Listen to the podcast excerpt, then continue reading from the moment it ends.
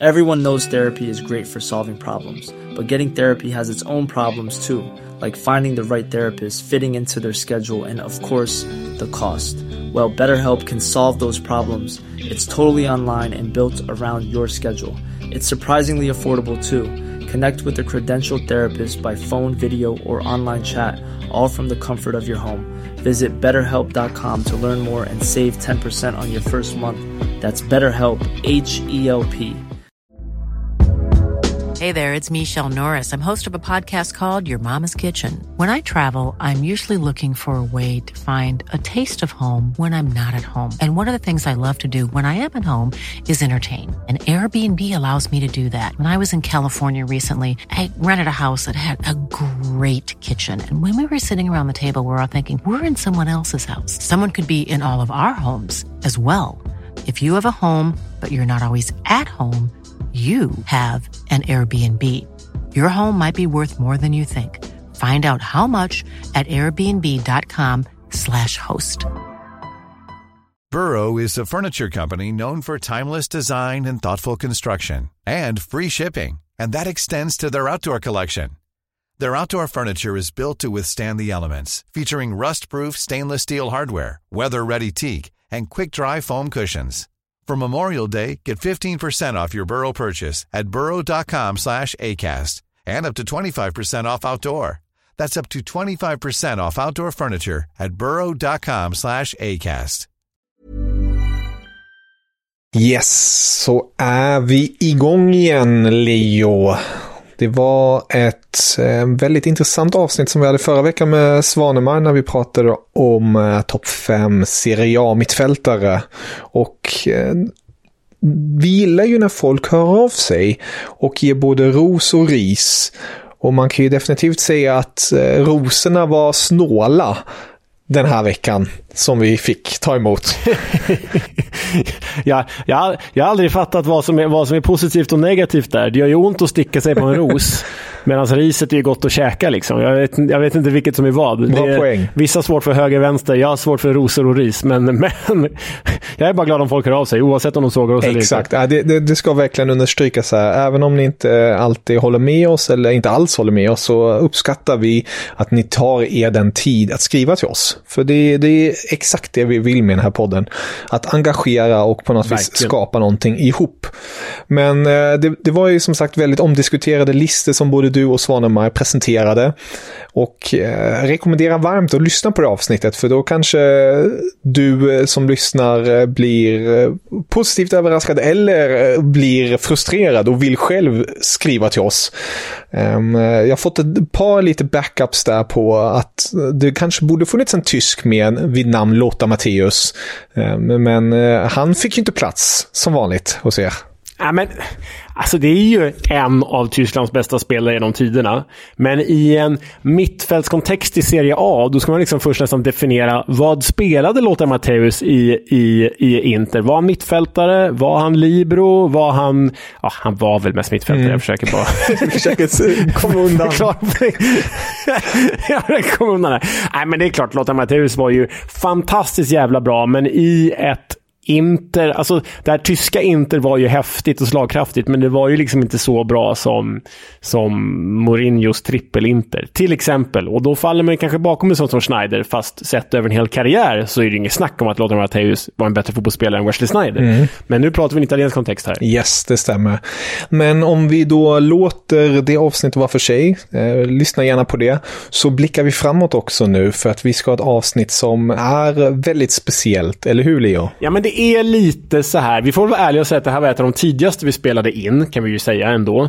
Och eh, ni kommer märka, kära lyssnare, att här har vi tolkat premissen på två helt olika sätt. Jag tror att det framgår under avsnittet, om ni, om ni lyssnar noga på mig här, när jag inser att vi tolkat, vår kära Alexandra och, och jag har tolkat det på olika sätt. Men eh, det handlar ju om en klassiko och eh, Alexandra har ju ingångsvärdet med liksom vilka har varit störst för Real Madrid respektive Barcelona. Och jag har väl ingångsvärdet vilka har påverkat den här rivaliteten mest. Mm. Så. Så det, det är ganska bra diskussionsämnen här och ganska roliga fotbollsfilosofiska infallsvinklar. Men det, det, är nästan att det är två parallella listor. Men eh, lyssna gärna. Alexandra är ju, bor ju i Spanien. Hon är ju Fotbollskanalen korrespondent i Spanien. Eh, hon kan ju det mesta som är värt att veta om spansk fotboll. Så lyssna gärna. Verkligen. Det är väldigt lyssningsvärt. Det får man minst sagt säga. Och eh, väldigt roligt också med tanke på eh, passande för att det är ju ett El Clasico som stundar i detta nu när vi eh, publicerar det här avsnittet. Så tänkte vi att det kanske bubblar upp lite mera inför den här rivaliteten som vi har framför oss. Mm, verkligen. Vi får se om avsnittet lever upp till, till förlagen. God lyssning!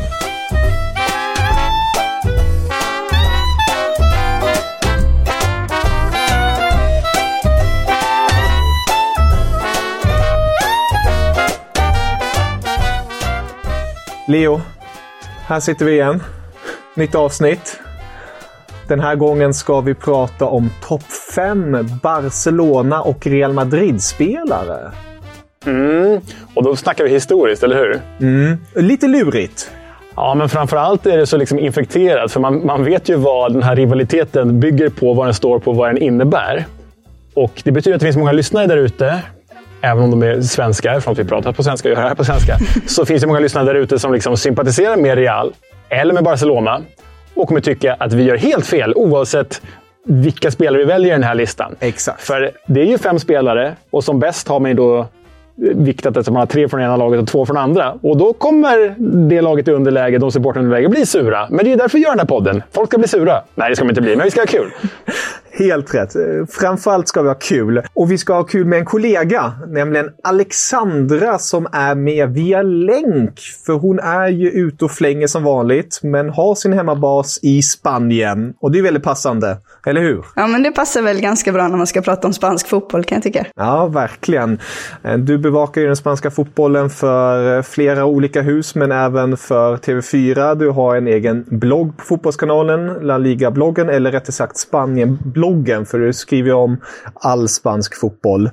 Och det är ju väldigt passande just att vi ska prata om det här temat, tänker vi oss. Och som tidigare tänker vi oss att du som gäst får börja med din femte plats. Sen kommer Leo säga sin femte plats. Och sen går vi lite fram och tillbaka sådär och tycker till. Låter det bra? Det låter jättebra. Ska jag sätta igång direkt då eller? Det tycker jag. På plats fem, Alexandra. På plats fem så har jag valt en som på ett sätt är aktiv just nu, inte på planen men vid sidan av planen. Du har valt eh, Xavi Hernandez i eh, Barcelona. Jag tycker att han har, eh, om man kollar på spelarkarriären snarare än tränarkarriären, haft eh, väldigt, väldigt stor påverkan på Barcelona. Dels är det en person som kommit upp genom ungdomslagen, började i klubben när han var 11 år. Innan dess kommer från en fanatisk Barcelona-familj.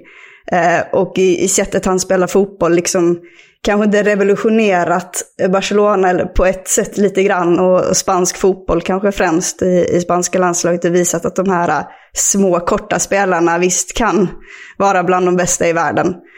Um, så där har jag valt, äh, valt Xavi för den påverkan jag ändå tycker att han som spelare hade på äh, FC Barcelona och skapandet av kanske den bästa tiden i Barcelonas historia.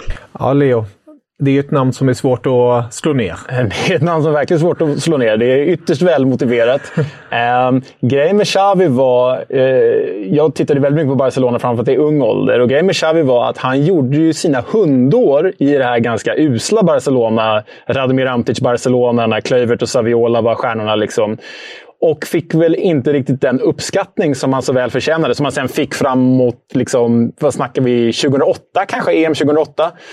Eh, det är liksom där och då han blir den här liksom världsspelare vi pratar om idag. Men han sluggade sig igenom de här tråkiga, jobbiga hundåren som Barcelona hade. De hundåren jag i och för sig älskade, Filippo Coquy och Xavi centralt på mitten och sådär. Men, men han gick en lång väg och tog många steg för att komma dit han hamnade till slut. Han, han har liksom Även om han är den lirare och kreatör och geni som han faktiskt är så, så kämpade han länge för att få det erkännandet. Nej, jag skulle bara tillägga att han fick ju också slåss väldigt mycket med Guardiola-epitetet som spelare redan, som han kanske får lite nu som tränare också. Att Guardiola var ju den som eh, som alla förväntade sig att Xavi skulle vara när Xavi först kom upp i, i Barcelonas A-lag. Och han var inte Guardiola och fick väldigt, väldigt mycket kritik och lämnade nästan klubben för att gå till eh, Milan. Men det var hans mamma som jag tror, det sägs att hon hotade pappan med att eh, eh med skilsmässa om han övertalade Xavi att lämna Barcelona. Eh, och därför stannade han.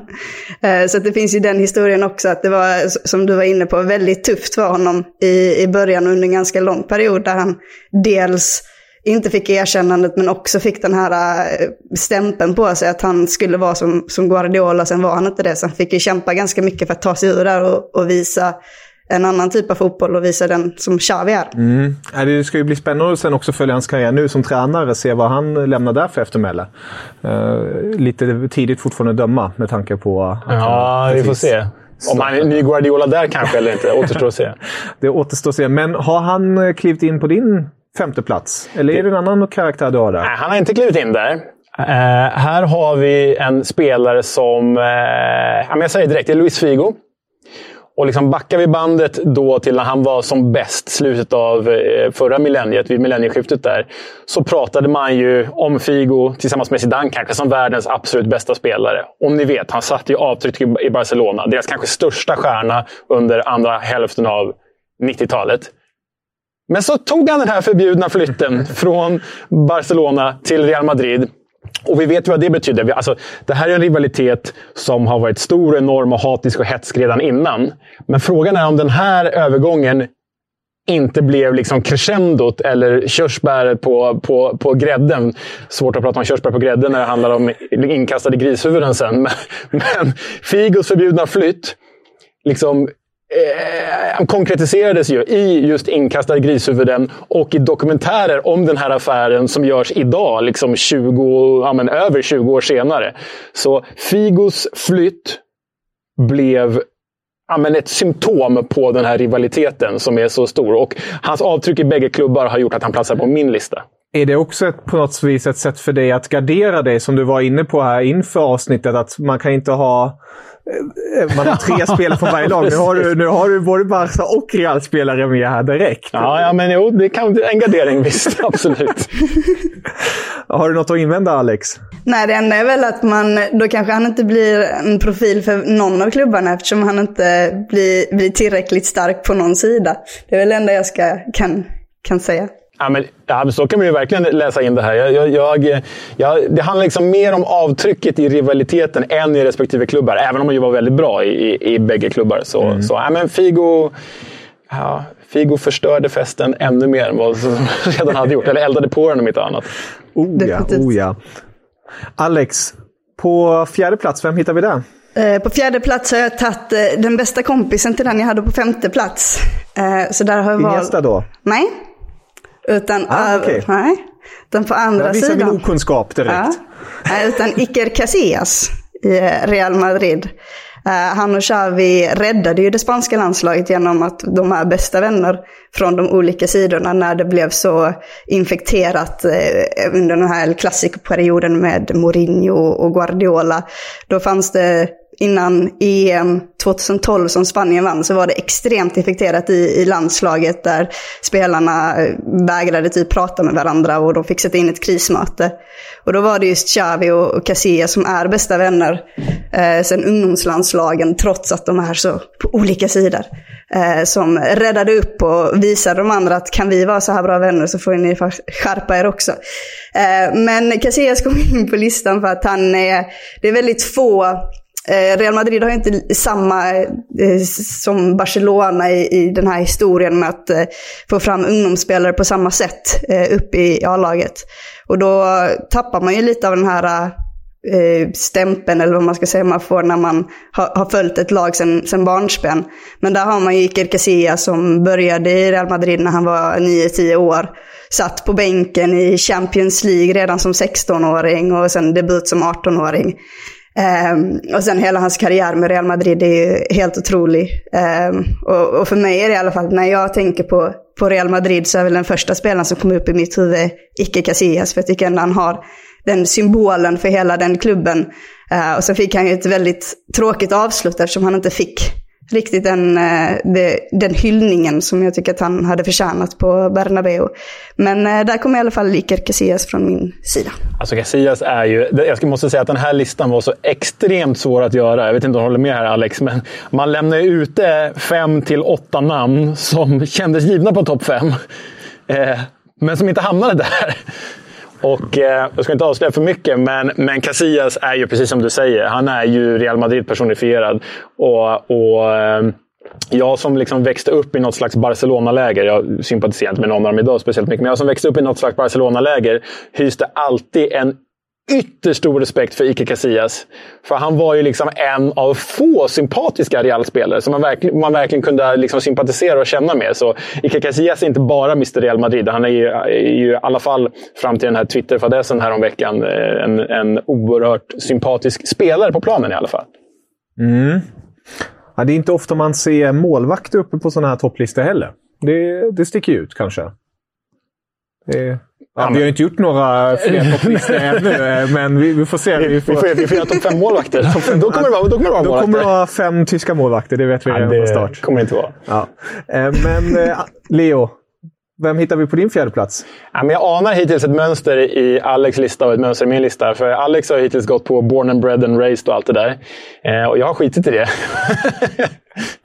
och det är klart att det spelar in och det, och det har nästan större betydelse än, eller det har större betydelse än sportliga framgångar. Men jag har, jag har gått på de som har kommit utifrån hittills i alla fall och, eh, och eh, satt rejält avtryck. Så därför är Sergio Ramos på min fjärde lista.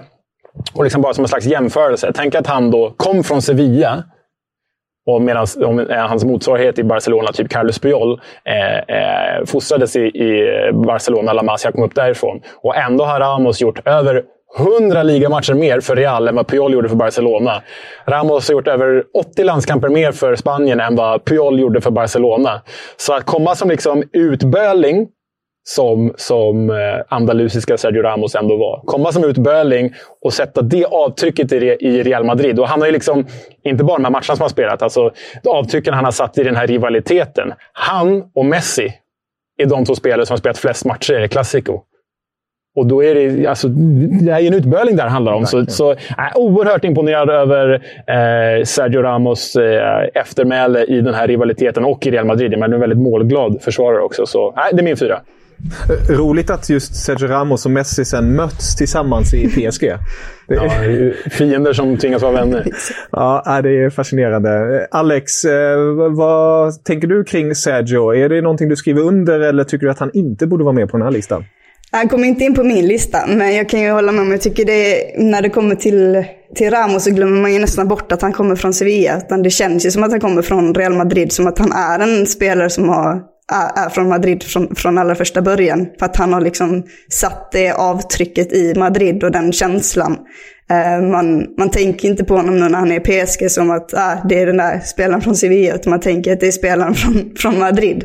Så att bara det tycker jag säger en hel del, för det tror jag inte det är många spelare som, som kommer från något annat lag från något annat ställe som kan komma till en klubb som är så stor som Real Madrid och ändå få en att tänka och känna som att det är en en Real Madrid-spelare från allra första början.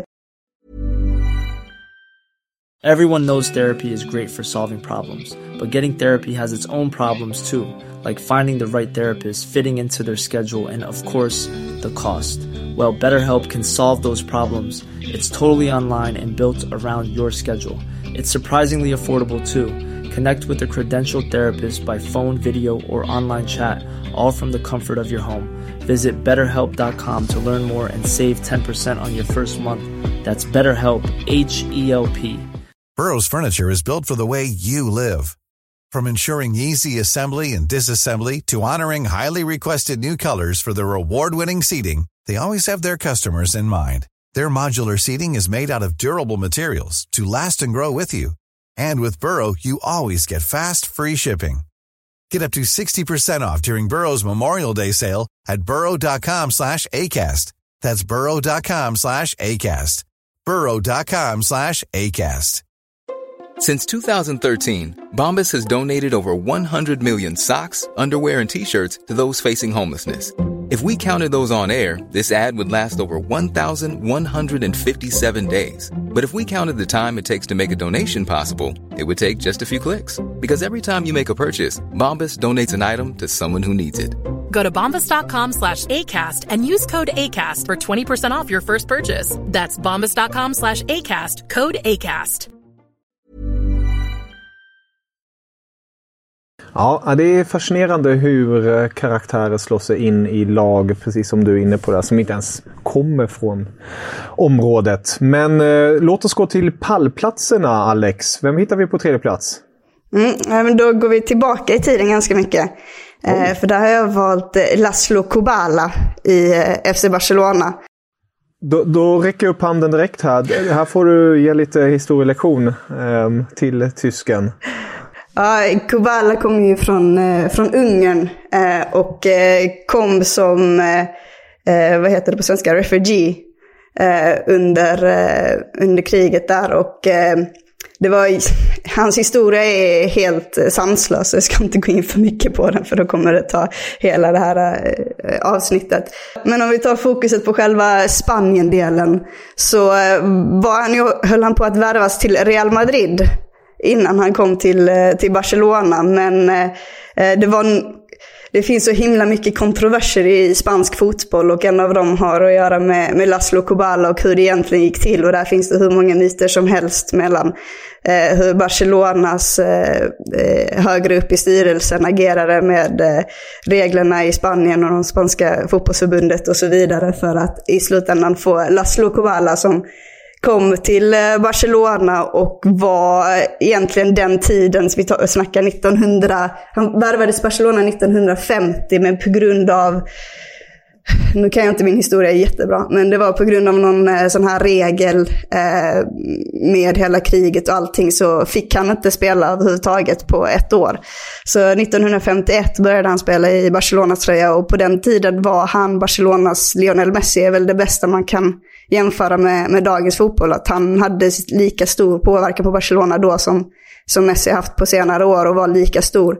Han eh, var så pass bra att eh, de tvingades bygga Camp Nou. För att eh, läktaren, den arenan Les Corts var för liten och fick inte plats med folk. Så Camp Nou finns idag tack vare Laszlo Kubala. Så detta är ju 1957 byggde, stod Camp Nou klar som fortfarande är Europas största fotbollsarena. Och den byggdes så stor för att de skulle få plats med tillräckligt mycket folk för att se Laszlo Kubala spela fotboll. Eh, och han står som staty utanför Camp Nou idag också. Eh, så att jag tycker att en, en, spelare som är så pass bra att man behöver bygga Europas största fotbollsarena tycker jag förtjänar att komma in på den här listan av, av Barcelona och Real Madrid-profiler. Ja, alltså det, det, det, här är också en spelare man var och fingrar på. Det som är, som är så, liksom, om man tar ett bredare liksom, nationsperspektiv, det som är så intressant med Laszlo Kubala, att han är liksom den mindre kända ungraren i den här rivaliteten. Alltså Laszlo Kubala, i alla fall om man tittar i liksom större internationellt perspektiv. För jag menar, eh, Laszlo Kubala var Barcelonas. Ferenc Puskas var Real Madrids. Eh, och Puskas hade ju liksom ett motsvarande avtryck i Real som, som eh, Kubala hade i, i Barcelona. Och det här är ju, de, de överlappar varandra lite grann. Den ena är väl typ tidigt 50-tal, den andra är sent 50-tal, 60-tal och sådär. Men att två spelare från Ungern sätter de här avtrycken i världens största fotbollsrivalitet. Det är ju häpnadsväckande att säga någonting om det ungerska fotbollsundret också, som vi kanske får göra en lista om någon gång. Ja, verkligen. Mäktigt. Leo, på din plats tre, hittar vi en ungrare då? Nej, det gör vi tyvärr inte. Ja, det är som sagt det är många som hade kunnat platsa på den här listan. Nej, men här är jag återigen på en spelare som inte är born, bred and raised, vilket gör ont i mig för med, med tanke på vilka spelare som faktiskt har kommit upp i de här ungdomsakademierna och organisationerna. Men den som ändå i modern tid personifierat Real Madrid bäst, i alla fall på planen. Sen kan vi lämna hans turer utanför därhän. Men eh, det är kanske de som drar ner betyget lite grann också, att han inte tar en topp två här. Men det är Cristiano Ronaldo. Mm. Störst, bäst, vackrast. Real Madrid. Eh, vi vet ju alla vad han gjorde eh, eh, för Real. Alltså La Decima och tre raka Champions League-titlar och ligatitlar och allt möjligt. Han personifierade ju eh, med, han personifierade sym eh, symfonin Hala Madrid det är ju vad han gjorde på planen. Sen kan man verkligen diskutera många tvivelaktigheter kring honom och, och hans, hans karaktär utanför planen. Men om vi pratar på planen, Real Madrid personifierad. Cristiano Ronaldo. Men eh, här kommer väl folk bli arga över att han hamnar... Vissa kommer bli arga att han hamnar en, efter en annan spelare. Så är det ju. Mm. Alex, det är säkert ett namn som också har gått i ditt huvud, kan jag gissa. Ja, fast jag kan faktiskt eh, avslöja att han inte har tagit sig in på min lista. Kul! Kontroversiellt! oj, oj, oj. Jag tycker det, det finns andra spelare som har haft eh, större avtryck i de här klubbarna, även om han såklart har haft ett enormt avtryck på, på modern Real Madrid och Barcelona-historia och speciellt på eh, El Clasico-matcherna. Både Messi på ena sidan och Ronaldo på andra sidan. Så jag, jag förstår ju att han kommer in på listan. Jag tror han hade kommit in på de flestas lista. Men eh, nej, han eh, har inte lyckats hos mig. Kul! Alltså en tredjeplats och utanför en lista. Det, det hade inte många trott på förhand tror jag. Verkligen inte. Och, och, och, du har ju bara två platser kvar där. Vem är då på din andra plats? Ja, på min andra plats så stannar jag på 50-talet. Eh, och nu i, i Real Madrid. Det är trevligt. Och nu i Real Madrid, Alfredo Di Stefano. Så att eh, han värvades, det här kom väldigt kort efter Kubala kom till Barcelona. Eh, och eh, då har vi kontroverser igen för att Di Stefano värvades till Barcelona innan han värvades till Real Madrid. Uh, och det här är igen all kontrovers, kontroverser som vi har inom spansk fotboll. Men han ägdes av eh, River Plate eh, och spelade sen i Colombia i Millonarios. Jag vet inte exakt hur, hur det var, men det var väl att båda de klubbarna hade lite stake över Di, Di och Barcelona ska ha kommit överens med båda klubbarna till slut eh, och eh, också med spelaren. Men på något sätt så var det någonting som hände och istället hamnade han i Real Madrid. Eh, och där finns det mycket, mycket eh, snack än idag om egentligen vad som hände och mutor och eh, hot och allt möjligt mellan de här två klubbarna. Men faktum är att han eh, rädd, eller egentligen skapade det Real Madrid vi känner idag.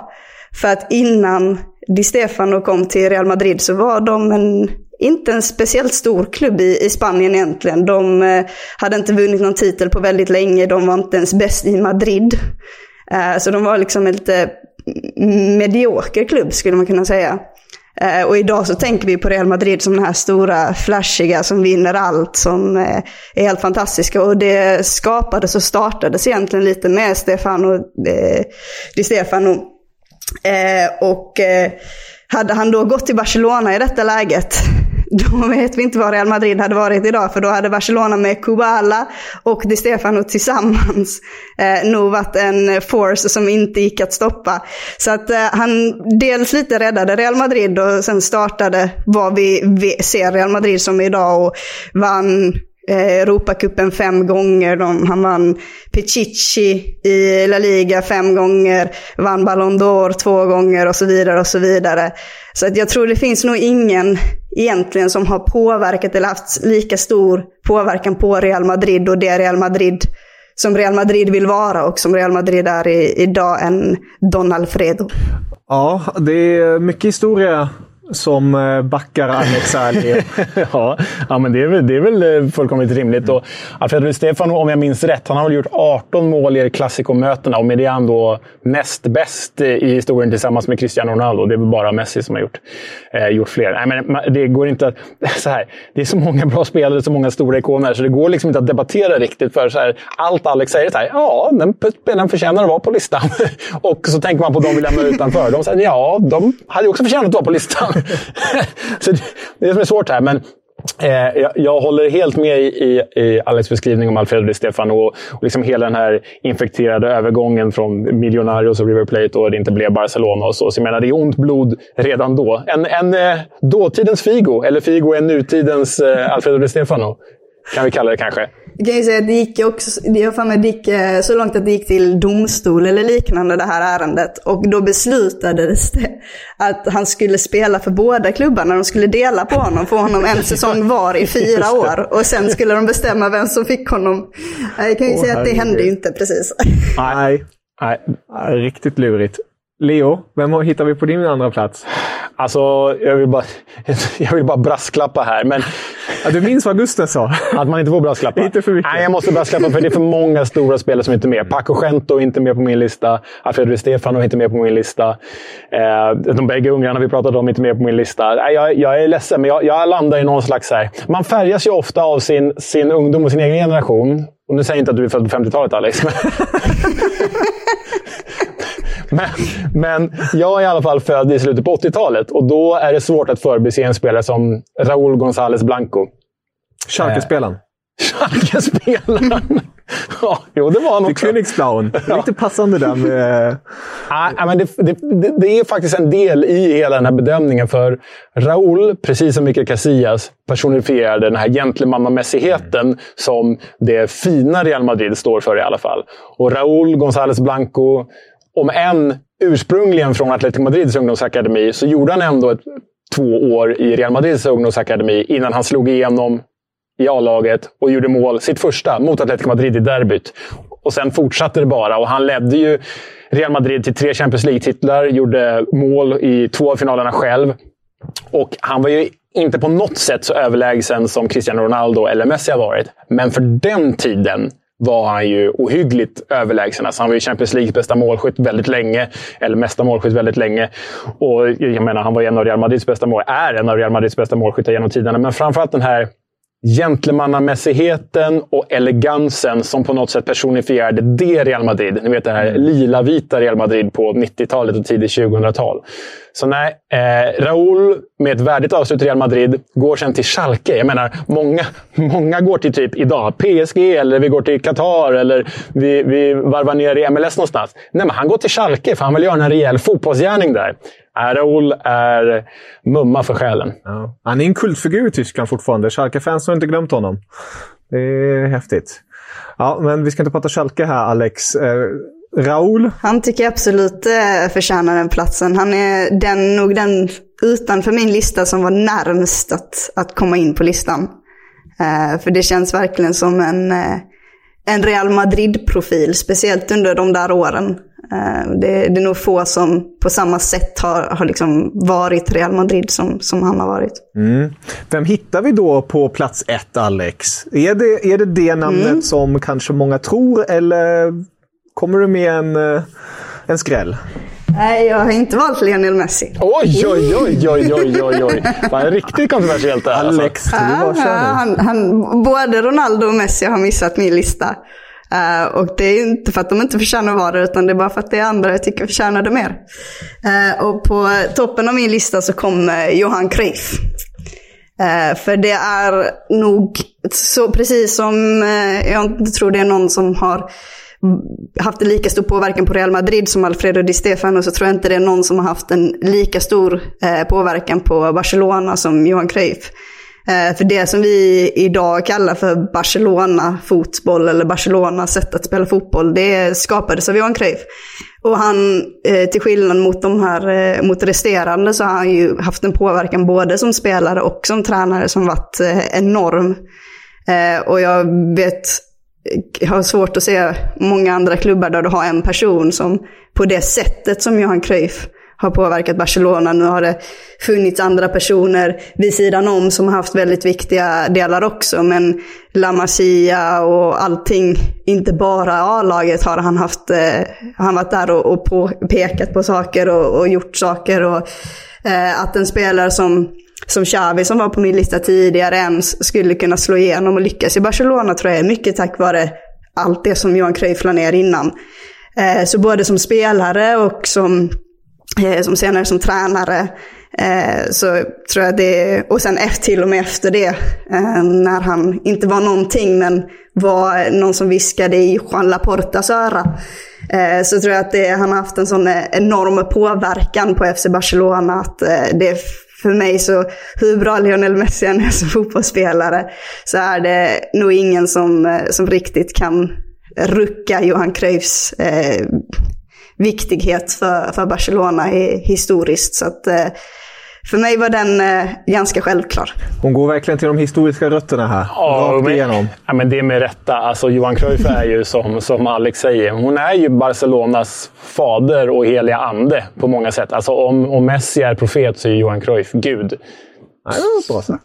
Ja, men så, så, är det ju. Och det är inte bara det avtrycket. Om vi pratar en, pratar en ännu större kontext så är ju liksom Cruyff, det han gjorde med Barcelona, gjorde han ju, om än genom många kontroverser och konflikter där, men gjorde han ju också med Ajax.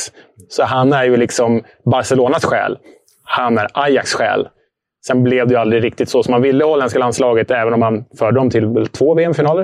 Eh, nej, men Cruyff är eh, ja, men helig i Barcelona. Och det är bara att stämma in på allt som, mm. som eh, Alex sa här. Jag ska bara säga snabbt, det ska också sägas, eh, vilket jag glömde, att när Johan Cruyff som spelare kom till Barcelona så hade de inte vunnit en ligatitel på 14 år. Eh, så det är också en poäng där hur han, hans viktighet i att, att komma in och inte bara skapa det som vi idag kallar för Barcelona, men eh, få dem tillbaka till toppen. Ja, men det är en sanning i modifikation det här ju. Jag eh, skickade ju mitt dokument till dig igår kväll någon gång, mm. eller igår eftermiddag, när jag skrev det här. Och så kom jag hem och så gjorde jag det man gör och så eh, äter middag och nattar barnen och sådär. Och så satte jag mig här igår på kvällen igen och så bara jag måste kolla igenom. Har jag glömt någon? Och bland annat då dök ju Paco Gento upp. Så bara, ja, hur får jag inte in honom på den här listan?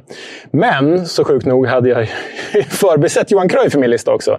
Så min lista är en avart för att första platsen delas mellan Gud och profeten. Det är Johan Cruyff och Leo Messi. Du, du bakar ihop dem här? Jag bakar ihop dem. Och jag, jag kan liksom inte skilja på, på, på, på guden och profeten. Och egentligen är det väl så att det är eh, Cruyff som är Gud, Guardiola som är profet och Messi som är liksom någon slags jag vet inte vad han blir. Han blir Jesusfigur. Nej, jag vet inte. Men, men, Messia. Messias, precis. Och, och det går inte... För mig, jag, jag vet att jag kliver utanför spelets regler här, men det går inte att skilja på Cruyff och, och Messi. För vi pratar om... Ja, men, kanske den spelare och fotbollsperson som har satt ett störst avtryck på två klubbar i hela världen i form av Cruyff. Men så pratar vi också om världshistoriens bästa fotbollsspelare, Leo Messi. Och det går inte att skilja på de två, för mig. Jag älskar Alex att Leo berättar här inför hur allt är uppbyggt och hur man inte ska skilja. Och kommer du med den här överraskningen på platset. Men ja, jag, jag, köper det. Jag förstår vad du menar. Jag hör vad du säger, Leo. Eh, det, det är ju verkligen... Eh, de går lite hand i hand på ett sätt. Om man tar den metaforen som du gjorde så fint, Leo. Ja, men, ja, men Messi är ju liksom Cruyffs ande förkroppsligad idag. Mm. I alla fall när han spelade i Barcelona. Ja. Riktigt finalister och som ni har varit inne på, det är ju flera namn som inte är med. Jag tänker ju på en eh, personlig favorit. Eh, men jag förstår när ni radar upp de här namnen som ni har gjort och med den historiken ni har i, i bakhuvudet och ryggen.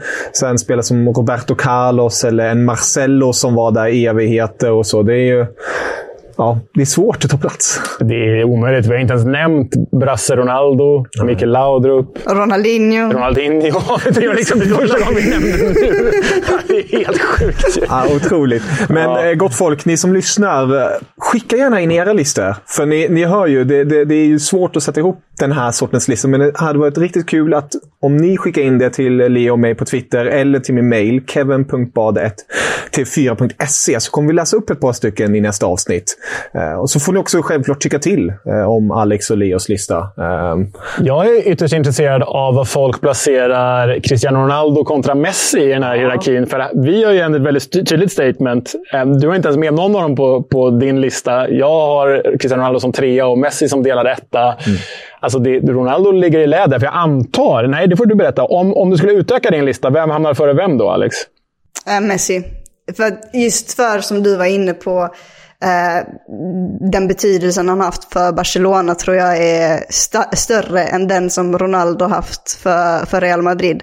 Ronaldo har varit en en av de bästa spelarna som, som Real Madrid har, har, sett. Men han har inte förändrat någonting i klubben om man säger så. Han har inte haft något avtryck på det sättet utan mer varit en storstjärna. Medan jag tror att Messi på ett annat sätt har liksom, han, han blev ju liksom Barcelona.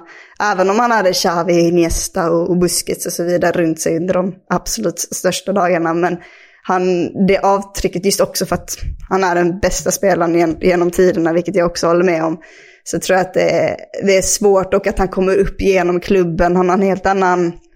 Eh, historia med Barcelona medan Ronaldo är ju liksom en värvning som kommer utifrån. Jag tror sånt.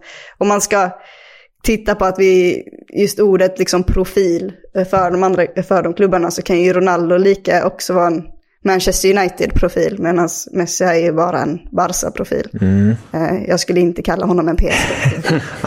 så, att, eh, så just därför skulle, skulle Messi komma, komma före Ronaldo, eller för, före in på min lista var Ronaldo. Där skulle nog Raul kommit innan jag hade valt eh, Ronaldo in på listan av just de anledningarna. Men det är liksom helt hur man väljer att se hur man gör listan, vad man lägger vikt på.